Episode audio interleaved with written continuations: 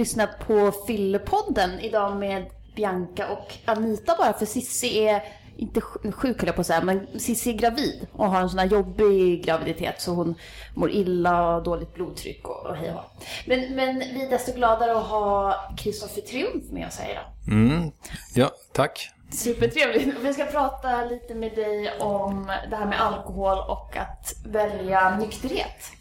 Cool. För det gjorde ju du, när, när bestämde du dig egentligen för att, för att vara nykter? För tio och ett halvt år sedan. Alltså, Jäklar. Ja, våren 2004.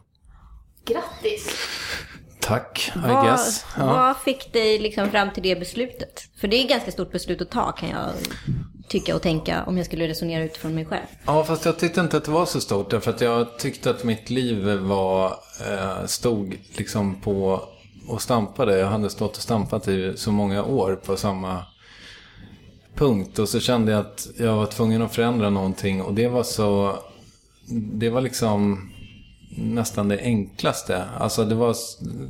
För det är ju någon, det är inte så att det det är inte som att amputera en arm eller någonting sånt. Utan det är ju bara någonting man slutar göra. Alltså man ändrar ett beteende.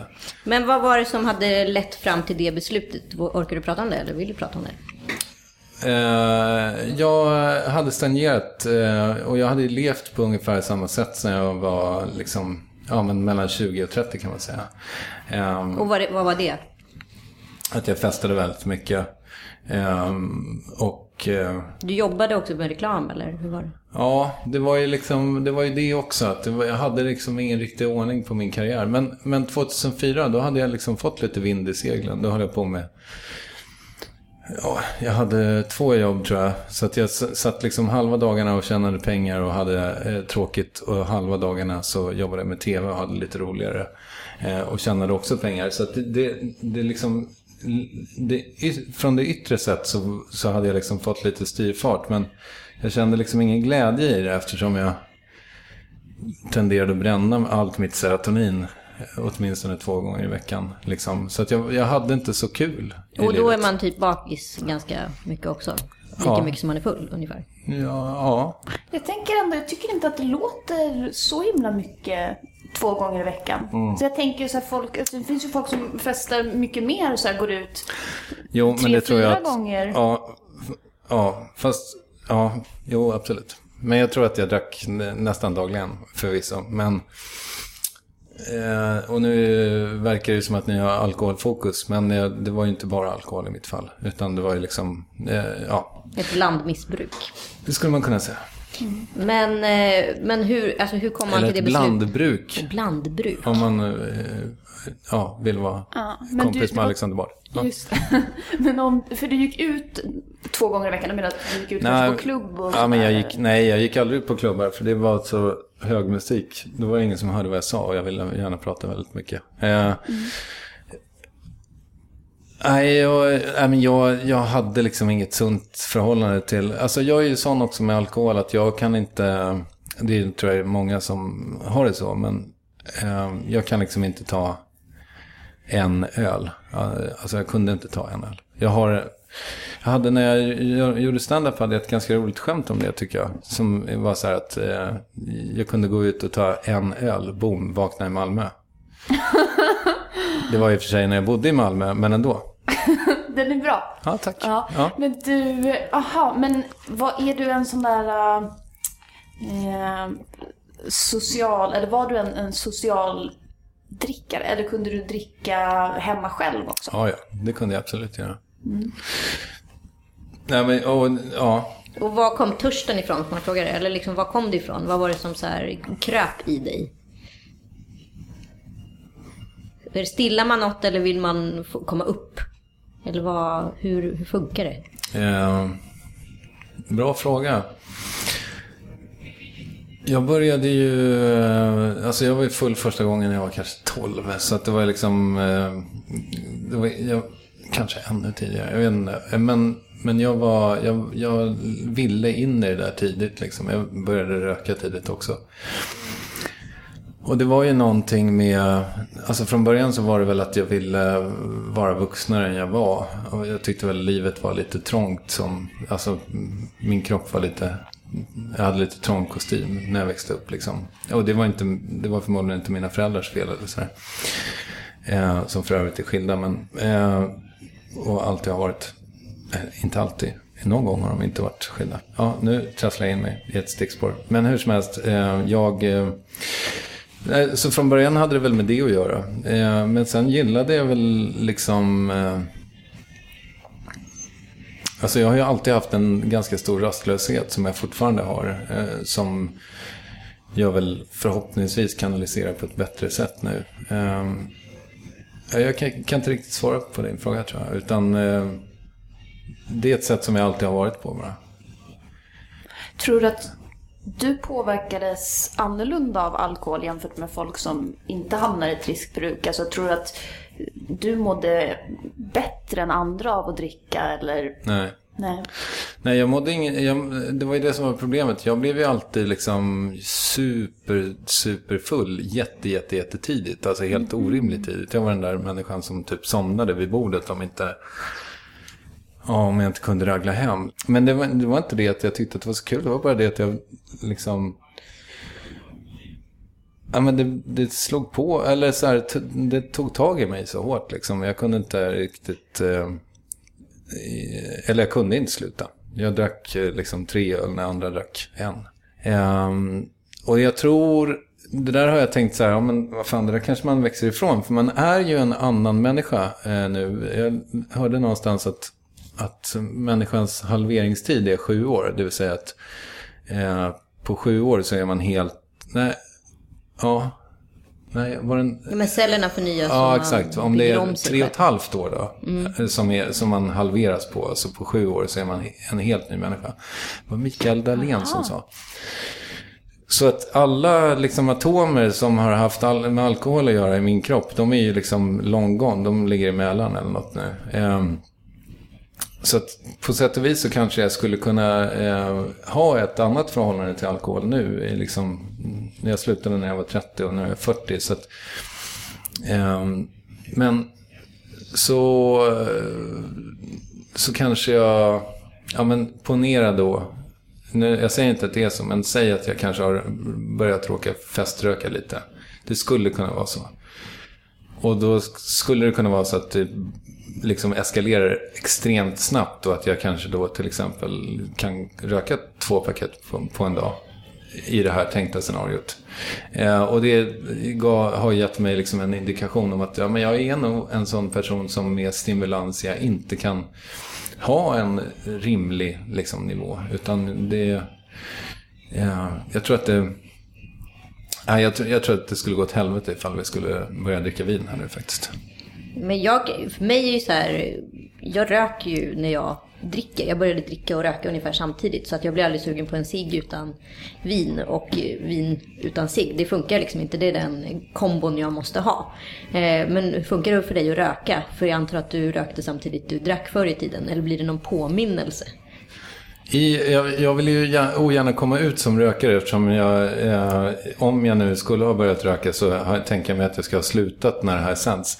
Eh, men eh, eh ja, jag kan i, i sådana fall bara röka, bevisligen. Ja. Det är ju så här en liten eh, trend nu att Eh, istället för som AA, att man, den metoden att man slutar helt och hållet, så finns det nu kliniker där man kan gå och lära sig att dricka normalt och sådär. Mm, det där tycker jag är du? jätteintressant. Jag tycker också det, men jag, jag vet att många blir väldigt uh, upprörda över det här. Men du verkar liksom positivt inställd, trots att du har valt själv att, att avstå helt. Mm. Fast det är ju just för att jag inte kan. Alltså, ja. så, om, om, eh, sen skulle jag, jag skulle tycka att det var jätteläskigt. Och, och ja, försöka närma mig det. Och, och jag tycker också att det är ett, liksom... Ja, men, jag, jag hörde talas om den där typen av eh, terapi för ganska länge sedan. Och eh, säkert kanske fyra år sedan. Och då tänkte jag så här, ja men det där måste jag kolla upp, vad fan man kan, eh, man kan, eh, ja, vart man kan gå helt enkelt. Och så har jag googlat det liksom tio gånger kanske på de här fyra åren. Men varje gång så liksom orkar jag inte ta nästa steg. För jag tycker så här, men det är inte så jävla viktigt för mig att lära mig dricka. Plus att för mig är det ju så... Jag, alltså för mig är det en, eh, en del av min identitet att vara en som inte dricker. Eh, sen vet jag inte vad det betyder för mig, men uppenbarligen en del i alla fall. För att jag, jag är ju jag är ju lite stolt över att jag inte dricker på något sätt. Eller att jag, ja, att jag har lyckats med det tycker jag du ska vara. Men nu måste jag, nu kommer tusen frågor här i mitt huvud. Men hur var det precis när du slutade då? Hur tog du det beslutet och vad sa polarna? För det är ju ganska mycket identitet i drickande och runt festen och sammanhanget. Ja, jag hade ju bara kompisar som jag eh, umgicks med på krogen i princip. Så, att- så att jag hade liksom, jag hade gjort mig av med alla andra längs eh, vägen på något sätt. Så att, eh, och vid, ja, jag hade ju för sig jobb vid det tillfället. Så jag träffade ju människor sådär. Men Alltså, eh, du hade två frågor i en där. Jag, jag kan försöka eh, svara på båda, men en i taget om du kommer ihåg den andra sen. Ja. Men eh, alltså det som eh, fick mig att ta beslutet var att jag när jag var eh, 30 då, eller liksom något halvår innan dess, hade köpt en bil för första gången. Och jag har alltid älskat att köra bil. Det gör jag fortfarande. Så att det var liksom en stor grej för mig. Men... Eh, och jag har, inte, jag har liksom aldrig outat att jag körde den full och hög. Men eh, det är inte omöjligt. Alltså det, jag tror inte att det är preskriberat heller, för det var bara tio år sedan. Så ifall jag säger, sitter och säger nu att jag körde den full och hög, ja då kanske någon ringer polisen och så kommer de och hämtar mig. Det skulle jag tycka var jättetråkigt. Men det kanske var så. Eh, och jag eh, hade glömt mina nycklar eh, någonstans och eh, försökte klättra in i, mitt eget, eh, i min egen lägenhet genom ett fönster. Och eh, hittade någon parkbänk som jag skulle klättra upp på. Och ramlade bakåt på något sätt och slog i bakhuvudet. Och så låg jag där och liksom hade ont i bakhuvudet och tittade upp i ett lövverk. För det var maj så det var liksom sådär grönt och härligt. Och det var morgon. Och så kände jag så här, men vad fan, är det så här jag ska ha det? Um, och det vill jag inte ha. Alltså jag skämdes så mycket över så mycket i mitt liv. Um, och jag var så trött på att känna mig skamsen liksom. Så att uh, den där morgonen kan väl ha varit kanske 23 maj 2004. Så bestämde jag mig för att nej men nu får, jag, nu får det vara nog liksom.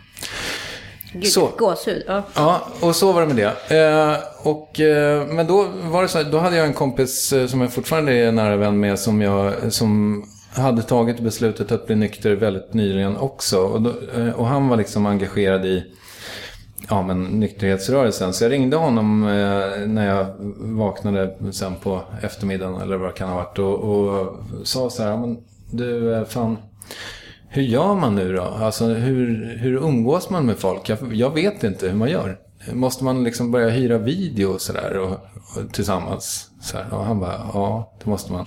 Eh, och det har jag fortfarande inte gjort, eh, förutom möjligen med min familj nu då. Men, eh, nej men det var lite, det var en inte superkul period den där första tiden som nykter. För att jag var liksom, ja men jag hade inte så mycket folk omkring mig helt enkelt som jag umgicks med. Och vad Eh, gör man med dagarna då? Liksom? Ja, dels på dagarna så går man och jobbar. Men Eh, på kvällarna och helgerna? på kvällarna och helgerna eh, så... eh, Jag tror att jag satt liksom ganska mycket och, och gjorde plojmusik på min dator. Eh, och sådär. Eh, Kände du dig ensam då eller utesluten sådär? Ja, det tror jag. Att jag eller, eh, alltså det, det var ju det också att det blev så himla tyst. Alltså det var, eh, det var, ja men det var väl någon som ringde, ni vet, eh, alltså 0236 där, eh, som var ute och så svarade man inte såklart. Eh, men det var typ det. Men det var inga som höll på sig med fan lägg av, kom igen, kom ut Nej, nej. Ja, jag kommer ihåg att jag jag hade väl ett par luncher med sådana här bekanta som skulle hjälpa mig och som, som gav mig lite så här välvilliga råd som du kanske kan strunta i starkspriten. Jag hade aldrig druckit starksprit. Men, alltså så här, ja. Ehm, ja, nej men eh, det, det tog ett tag liksom. Sen hade jag ju turen att träffa min fru Eh, ganska snabbt. Alltså vi kände varandra även innan jag blev nykter. Men jag, vi, alltså det tog inte... Eh, det tog väl kanske ett halvår innan vi liksom träffades ordentligt sådär. Och då, började, alltså, då hade jag ju någon att vara med. Det var mysigt. Vad tyckte hon om, om din nykterism? För jag tänker att eh, det kan vara mysigt att ta ett glas vin på dejten och så. Det är sådana grejer som ingår i föreställningen ofta av en romantisk dejt. Ja, fast hon hade ju sett hur romantisk jag var. Så att Ja, jag, eh, och det var ju inte, jag var ju inte så bra på den här grejen. Så att, eh, jag tror att det var, det var ganska välkommet tror jag. Men dricker hon? helt, helt nödvändigt. Jag, jag, jag vill inte prata om hennes eh, livsval. Det kan hon få göra själv. Ehm, Du har ju din podd och hon får ju välja vad hon vill prata om. ja.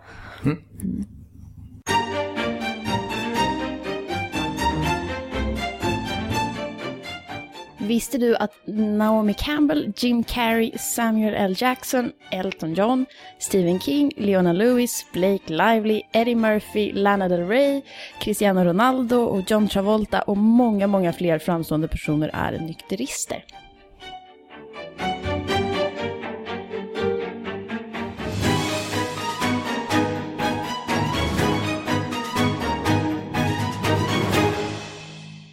Hur reagerar folk idag när du går på fest? Och kan du gå på fest? Ja, jag, alltså man tänkte ju så här, ja men nu blir, när jag blir lite semikändis här, då kanske jag får gå jättemycket på fest. Jag får inte gå på så jättemycket fester. Nej, varför inte det? Eller, ja, ja men jag fick första... Jag presenterade ju inte ens dig, kom jag på. Men jag tänker att du är Kristoffer Triumf med hela folket nu. Ja, kanske. Alltså, Jag tror faktiskt det. Jag fick inte skriva en enda autograf på hela... Gud, vad tråkigt. Jag har fortfarande inte fått skriva några autografer. Nej, men... Men eh, du, du är ju radioröst. Det måste vara det. Det Alla är det. vet namnet Fast- och rösten. Men... Fast jag tycker jag prånglar ut mitt ansikte så ofta jag kan. eh, Sådär. Men, nej, men... ehm, fan, vad var frågan? Förlåt. Jo, hur, var hur du känner inför att gå på fester Ja, För i. Mm. början så avstod du. Men hur, hur känns det nu? Avstår du eller? Nej, jag kan gå på fest. Däremot så brukar alltså jag är inte så kul på sådana här stora fester, liksom eh, mingel, kalas. Det blir ofta liksom, nu återkommer jag till det där med högt ljud, men jag, jag tycker inte så mycket om det. Jag tycker om så här, alltså middagar tycker jag är jättehärligt. Då blir jag inte heller bjuden på så himla mycket. Ehm, Vi ska göra besserwisser-turnering. Det har fortfarande inte hänt. Jag fattar inte varför.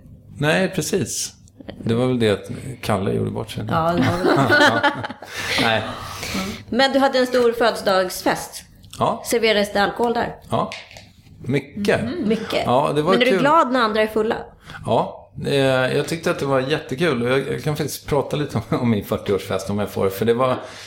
Jag har ju liksom haft eh, fester, eller middagar och sånt där de senaste tio åren då. Men då liksom brukar jag säga så här, men ta med dig någonting att dricka liksom. Till folk. Och så eh, gör de det kanske. Men så tar de med sig typ en sån här liten flaska rött vin och så sitter de så här och så dricker de inte upp den ens en gång och så får jag göra någon jävla soppa på det där sen. Ehm, men här, på, när det var liksom, för det var en ganska stor fest. Ehm, och då nådde de vanliga människorna liksom kritisk massa. De blev så många så att de påverkades av varandra istället för av mig. Eh, så att någon var liksom så full så att eh, hen fick åka hem vid nio i taxi och sådär. Så att eh, det, och det tyckte jag var så himla skönt. För det kändes som en riktig fest på något sätt. Ja, men jag förstår att de inte påverkas av dig. Att de kunde slappna av sådär. Så det är det som är tricket tror jag. Eh, det kan vara ett tips till Mårten Andersson. Nej, det kan det inte vara. Nej, hans... Han har slutat. Ja, men, eh, ja. Tror jag. Ja, jag tänker på den här, eh, du tänker hans på klubb, nya klubb. Ja, Sober, precis. ja. Men det blir inget bra. Du, nej, för där måste man vara, vara nykter. Exakt. Men du pratade förut om det här med din eh, serotoninnivå. Att den, den var väldigt låg. Det blir ju det om man, om man dricker mycket. Det har jag själv märkt när jag har druckit för mycket. Ja, särskilt också ifall man toppar med, med eh, eh, preparat som just går ut på att man ska få högt serotonin Eh, Då får man kraftig ångest. Ja, Men eh, hur lång tid tog det innan det stabiliserade sig för dig? ja, vet du vad? Det, det har liksom inte riktigt gjort det ännu. Jag tror inte att jag är... Och, men sen, det är så svårt att veta för att nu har Du tar antidepressiva va? Ja, Ja, precis. Det, det, då är vi två. Ja, Så du är bland, bland antideppvänner. Ja, vad kul. Anita? Nej, jag gör inte det. Nej? Ja, men det är väl skönt att du slipper det. Ja, jag slipper det. Men jag, jag, är så, jag är så nyfiken på att höra hur, hur allt funkar och med nykterhet och, och folk. Och, för att jag, de, de kompisar jag har som har slutat dricka, det är precis som du säger, man får nästan byta umgänge. Och de som får, nu pratar om att de ska ta en vit månad eller vad det är, de blir ju hetsade hela tiden. Till att så här, ska du inte komma med på festa? Och den, den attityden. Men det kanske man slipper när man har gjort ett sånt tydligt avsteg. Ehm, ja, jag, jag, blir, jag blir för lite hetsad skulle jag säga. Jag ska bara återgå till det, Ja, just det. serotoninnivån där. Du, du sa att den har, Ja, men jag är inte men säker. den, har blivit, den blev bättre, eller vad, vad hände där? För du, du sa att den inte är tillräckligt bra. Ja, men så här, alltså en, en grej, det är inte riktigt svar på din fråga, men för det första, alltså jag drömde ju- jag hade inga drömmar som jag kommer ihåg första åren efter att jag blev nykter. Nu, numera kan jag drömma ganska så här, liksom i färg och kraftigt. Det är inte så ofta, men det där kan jag liksom sakna och det tror jag, att jag, det tror jag faktiskt att jag förstörde med de där åren. Liksom. Sen, som sagt, det, det blir bättre. Jag hade en väldigt intressant dröm här förleden om eh, förhud. Men den kanske jag ska spara till någon annan podd. Eh, Oj då, Nej, men berätta. Det lät ju fruktansvärt spännande.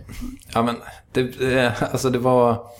Jag satt och kollade på eh, OS i drömmen. Och eh, det var ett, eh, ett landslag, jag tror det var amerikanska landslaget i någon idrott som liksom ställde upp sig på, ett, på rad så här. Och så var det en svart kille som var naken. Eh, och på en liksom given signal så sprang det fram två killar med nagelsaxar och klippte bort hans förhud. Eh, som att- Express. Ja, men det var liksom en grej bara. Ja, precis. Det är så här, han hade förhuden med sig när han kom. Vi klipper av den nu så, så att han kan vara med. Han fick inte ont eller så i drömmen? Nej, nej, det verkar inte så. Eh, Oj, det här måste du eh, dra in någon eh, drömtidare på. ni kanske har någon lyssnare som kan berätta för mig på Ja. Twitter vad det betydde. Ja, då får man kontakta oss på Twitter ja, och dig. Eh, nej, men... Eh, Nej, men så, att dröm, drömmarna, drömmarna, ja, inte lika mycket tror jag som när jag var yngre liksom. Innan jag började eh, dricka mycket så. Eh, Serotonin-grejen, det är så svårt att veta vad som är vad. Men jag har ju stått på Zoloft i, eh, det måste väl vara ungefär två och ett halvt år nu eller någonting sånt där. Och, eh, och det, jag, jag, alltså så här, jag, jag vet, jag, jag, jag kan inte minnas att jag har varit så, jag kan, jag kan minnas att jag var lycklig liksom när jag var 19 kanske. Eller lyckligare, men att livet kändes så här härligt eh, under en lång period. Eh, alltså nu har jag haft jättemycket härliga grejer eftersom jag har familj så, så, så händer det ju massa fantastiska grejer. Men, men att min så här, normalnivå, den tror jag inte liksom är uppe i, i där jag var när jag var 19. Men å andra sidan så var jag väldigt olycklig innan jag var 19 också. Så det var nog bara ett olycksfall i arbetet. Jag mår nog ungefär som jag ska göra nu. Med hjälp av de här soloften. Jag tänker om du hade lite sänkt eh, serotoninnivå från början. Mm. Att det kanske kan vara en anledning till att man söker sig till alkohol och droger och sådär. För att man, man känner det här behovet av att få upp nivåerna liksom. Det låter helt rimligt. Absolut. Men, men du sa att du upplever inte den här pressen nej, bland, bland vänner och bekanta. För många som jag har pratat med som är nyktra tycker att det är jobbigt att folk frågar så mycket. Att man alltid måste förklara sig, att man blir hetsad. Och, men, men det är ingenting du har upplevt? Nej, jag, har- jag har väl inte Vad så... skönt. Ja, kanske. Alltså, jag har ingen, inte så mycket emot att prata om min nykterhet i och för sig. Alltså, det, jag tyckte att det var jobbigt när jag, när liksom jag slog igenom och nu visar jag med fingrar så här s- Som citationstecken. här, Ja, precis. Men när jag slog igenom då för två eh, år sedan drygt så, så tyckte jag, då var det liksom ganska mycket, eh, och jag vet inte riktigt hur det blev så, men det blev fokus på att jag var nykter och att jag hade liksom haft lite trassligt med, med alkohol och droger och sådär. Då tyckte jag att det var jobbigt att jag fick prata så mycket om det, att det blev så här, ja fast jag är här för att prata om min podcast, inte om att jag har ja, haft det jobbigt eh, tidigare. Vilket jag, jag hade det jobbigt men jag hade det också väldigt kul. Eh, men jag tror att jag har liksom så... Eh, det har varit liksom viktigt för mig att, att berätta det för folk. Liksom, jag är väldigt snabb på det med... Alltså det, jag vet ju många nyktra människor som säger ja men det är klart att jag kan ta en drink och sen så står de och håller i den och häller ut lite blomkrukan och liksom för att det ska vara så här happy-go-lucky. Men jag har liksom aldrig kunnat göra det. För mig har det alltid varit viktigt att säga så här, nej, jag dricker inte. Även när jag har jobbat med så här Absolut Vodka och så, vilket ju de tyckte var, eller vissa människor som, som eh, träffade mig då tyckte att det var så jävla oartigt att jag inte kunde dricka lite vodka på, på, på, på jobbmötena. Jag tänkte att man kanske kan göra reklam för sprit utan att dricka den. Jag vet ju ungefär vad det är. Såklart. Men jag tror faktiskt, eh, tror inte du Danita, att det är väldigt bra att du har pratat så mycket om det. För att jag tror att du är mycket lättare att identifiera sig med än många andra som, som pratar om alkoholproblem och sådär. Så jag tror att det är lättare att identifiera sig med den här begynnande alkoholismen till exempel. Ja, jag tror också... Ja, det kan jag inte svara på mm, eh, riktigt, men... Jag tror också att, alltså för mig eh, så... När jag, när jag bestämde mig för att bli nykter, då hade jag... Jag gick ju på möten första året. Eh, sporadiskt ska jag säga. Jag var inte så... Och när jag säger möten så menar jag alltså eh, CA och AA-möten. CA är för narkotika. Cocaine Anonymous. Nu outade jag ju lite grann vad jag hade för drogvanor i alla fall. Men eh, skitsamma. Eh, för det var... Det måste ha blivit dyrt. Ja, det var dyrt. Tjänade du mycket pengar? Eh, I perioder. Finns ju en billigare drog också som gör ungefär samma sak fast mycket längre. Ja. Amfetamin va? Ja. Men, eh, nej men, eh, det är inte så att jag har någonting emot möten i sig. Jag tror att det är skitbra. Och jag, jag känner människor som går på det och som har väldigt stor, stort utbyte av det. Och jag tror att jag också skulle ha det ifall jag gav mig hän. En sak som betydde väldigt mycket för mig, det var ju en bok som heter A Million Little Pieces av James Fry. Eh, tror jag att det ska uttalas, för han sa det själv när jag träffade honom i våras nämligen. Men det stavas Frey, ifall någon vill. Just det, vaknade inte han bakis på något flygplan eller var någon... Precis, så hade eh, slagit ut alla sina tänder och var på väg till något, eh, vad heter det, sånt, eh, rehab. Eh, den, den var otroligt inspirerande för mig. Eh, för han, eh, han berättar ju i den boken om att, hur han bestämmer sig för att bli nykter själv. Och sen så har han ju spetsat den, vässat den historien ganska mycket. Och så blev det värsta skandalen om det där. Det kan man läsa in sig på på internet om man vill. Eh, men den betyder jättemycket för mig. Och jag, det, det tror jag kanske så här att jag vet inte om nyktra alkoholister, alltså sådana som går på AA, om de kanske är lite... För det första vet jag inte hur mycket de pratar om det. Eh, men för det andra så är det kanske en, tvärsä en tvärsäkerhet liksom om hur man ska göra. Jag, jag, mitt problem, och det var därför jag var lite tveksam till att komma hit, det är ju att jag är liksom inte... Jag känner mig inte så trygg egentligen i min nykterhet. Alltså så här, jag, jag kan inte till exempel säga att jag aldrig mer ska dricka. Det, det var ju, när du berättade om den här terapiformen så tycker jag ju att det är intressant. Därför att det, på något sätt så känns det som, ja men det vore väl härligt ifall man kunde ta ett glas vin någon gång. När det är läge. Um, och sen så tycker jag också, och det, det har jag sagt från början, att jag tycker liksom alltid, alltså att vara nykter för alltid, alltid är ju potentiellt superlänge. Alltså, tänk för man blir 100, då ska jag vara nykter i 60 år i sträck. Det, det är ju otroligt lång tid. Men är det, jag tänker att man, man har varit nykter under en ganska lång period som du har varit. Är det fortfarande lika laddat? Alltså tänker du på alkohol och, eller din relation till alkohol dagligen? Eller? Nej, nej, nej, inte alls.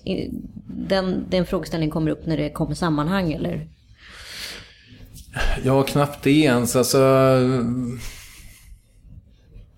jag, jag kan tycka att liksom när man sitter och beställer mat på en fin restaurang där det är så uppenbart att någon har lagt ner väldigt mycket möda på att välja viner och sådär. Så kan jag tycka att det är lite synd att jag inte kan eh, testa det. Liksom, eh, det är väl ungefär som att vara vegetarian på det sättet. Att det, det, alltså om, man går på det, liksom fin, alltså om man går på Mattias Dahlgren och inte äter kött eller fisk så tror jag att man har li, lite tråkigare. Eh, alltså man har i alla fall en mindre palett.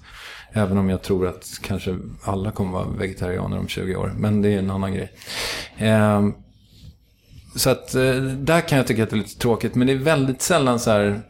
Alltså, har ni smakat alkoholfri öl eller? Mm. Jag tycker det är sjukt gott. Mm. Och det är ju... Eh, som gravid är ju Carlsbergs eh, alkoholfria. Som men det finns super... många andra fabrikat Nej, också så. som är bra. Jag Nej, kanske men... inte måste nämna några namn. Förlåt. Nej men... Ehm, eh, fast jag räddade dig nu. Så, det. det här blev väldigt public service-mässigt. Nej men... Eh, jag, eh, jag tycker det är kanon och man slipper bli full. Mm. Alltså, fast alla tror att man är med. Eh, och det älskar jag. Det tycker jag är toppen. Så det är, det är smaken du saknar, inte ruset? Det är så lite positivt laddat för mig att vara full. Liksom. Det, det, det, de är så, jag kommer liksom bara, alltså när jag tänker på fylla så tänker jag bara så här, på dumma grejer som jag har gjort när jag har gått liksom på tunnelbanespår och liksom ramlat och slagit mig. Inte vid samma tillfälle. Men det är sådana minnen jag har. Liksom, så jag romantiserar det extremt lite. Ehm, Nej, men det tror jag också är din styrka med din förlåt, fyllehistoria. För att många som pratar om en fyllehistoria, då pratar ju de om så här ett ganska så här, kreativt, yvigt liv som man lämnade och lite sa så här farväl till. Mm. Eh, men du pratar ju inte om det med charm, om man säger så.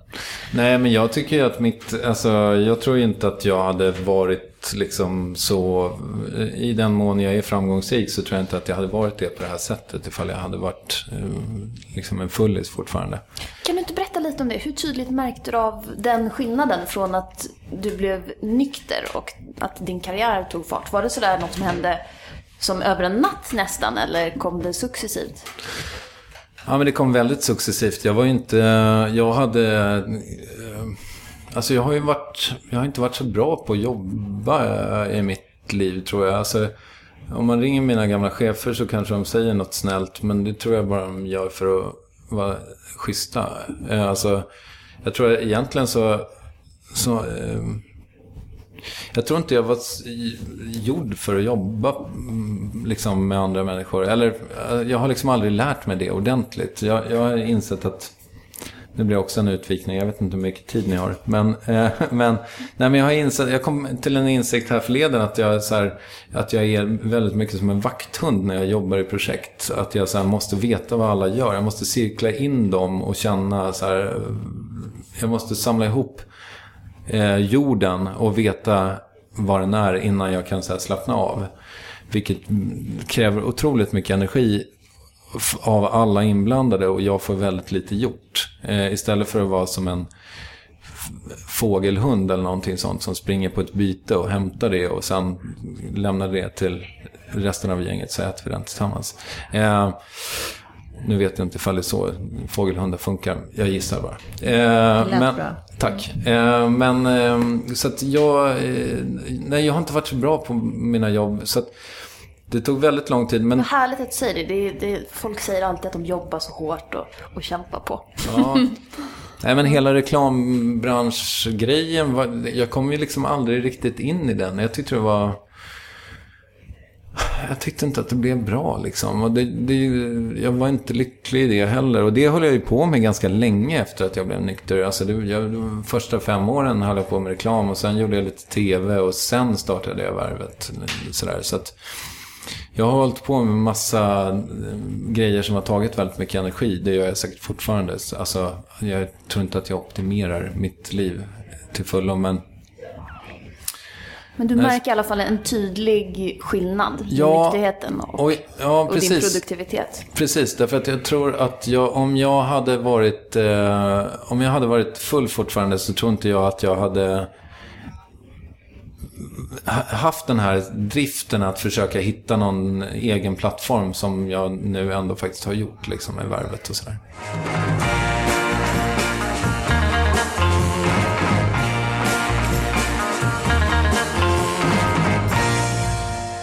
Nu ska vi lyssna på vårt expertinslag med läkare Sven Andreasson. Det handlar om att vissa måste sluta dricka helt, men vissa kan tydligen träna upp att lära sig att dricka lite. En del som har ett svårt alkoholberoende, de kan så småningom lära sig dricka kontrollerat, men det är ganska få och det är ganska stort jobb i så fall att, liksom att, att, att hålla, hålla gränserna och så vidare. Så, så då, de flesta bör nog fortsätta vara nyktra, men, men har man ett mer måttligt alkoholberoende, har man haft det, då, då kan det gå lättare. Hur mycket återställs kroppen då? Eh, ja, men ja, jättemycket. Mycket kan man säga. Mycket. Infektionsförsvar, blodtryck, eh, lever kan återställas. Ja, det mesta kan återställas. Hur lång tid eh, tar det innan man kan märka av de här skillnaderna? Eh, från några veckor till några månader. Det går ganska snabbt. Men har man stora skador, och, och, och, då, då kanske inte återställs. En skrumplever till exempel, den återställs ju inte.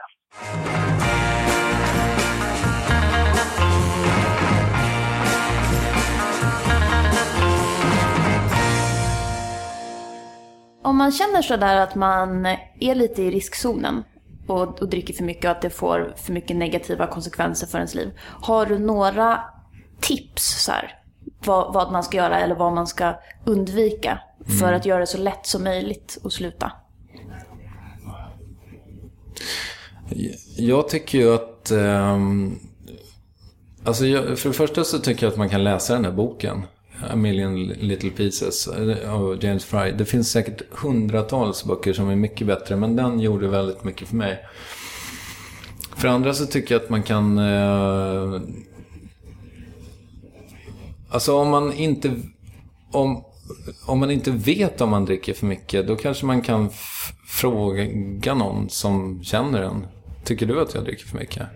Eh, om, man då, om svaret är jakande eller om man känner det själv så tycker jag att då, då kan man bara testa att vara nykter lite. Alltså, kalla det vit månad eller ett vitt år eller vad fan som helst. Liksom. Jag tror att alla människor tjänar på att... Eh, und- alltså, jag tycker man, överhuvudtaget så ska man nog testa saker mycket mer. Alltså att man bara gör liksom, istället för att hålla på och vända och vrida på grejer.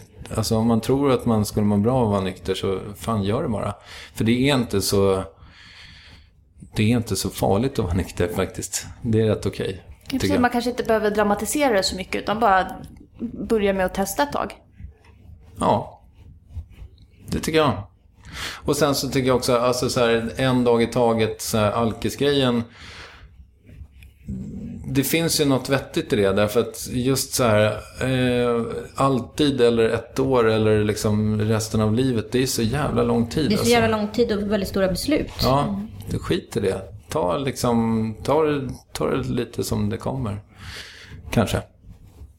Och är det så att man tycker, menar, om det är helt ohållbart så finns det ju säkert jättemycket proff, professionella ställen man kan vända sig till. eh, Så här, nämndemansgårdar och allt vad de heter. Men man kanske inte ska göra det så- svårt för sig från början för då blir det för stort, eller? Nej, det tror jag är vettigt.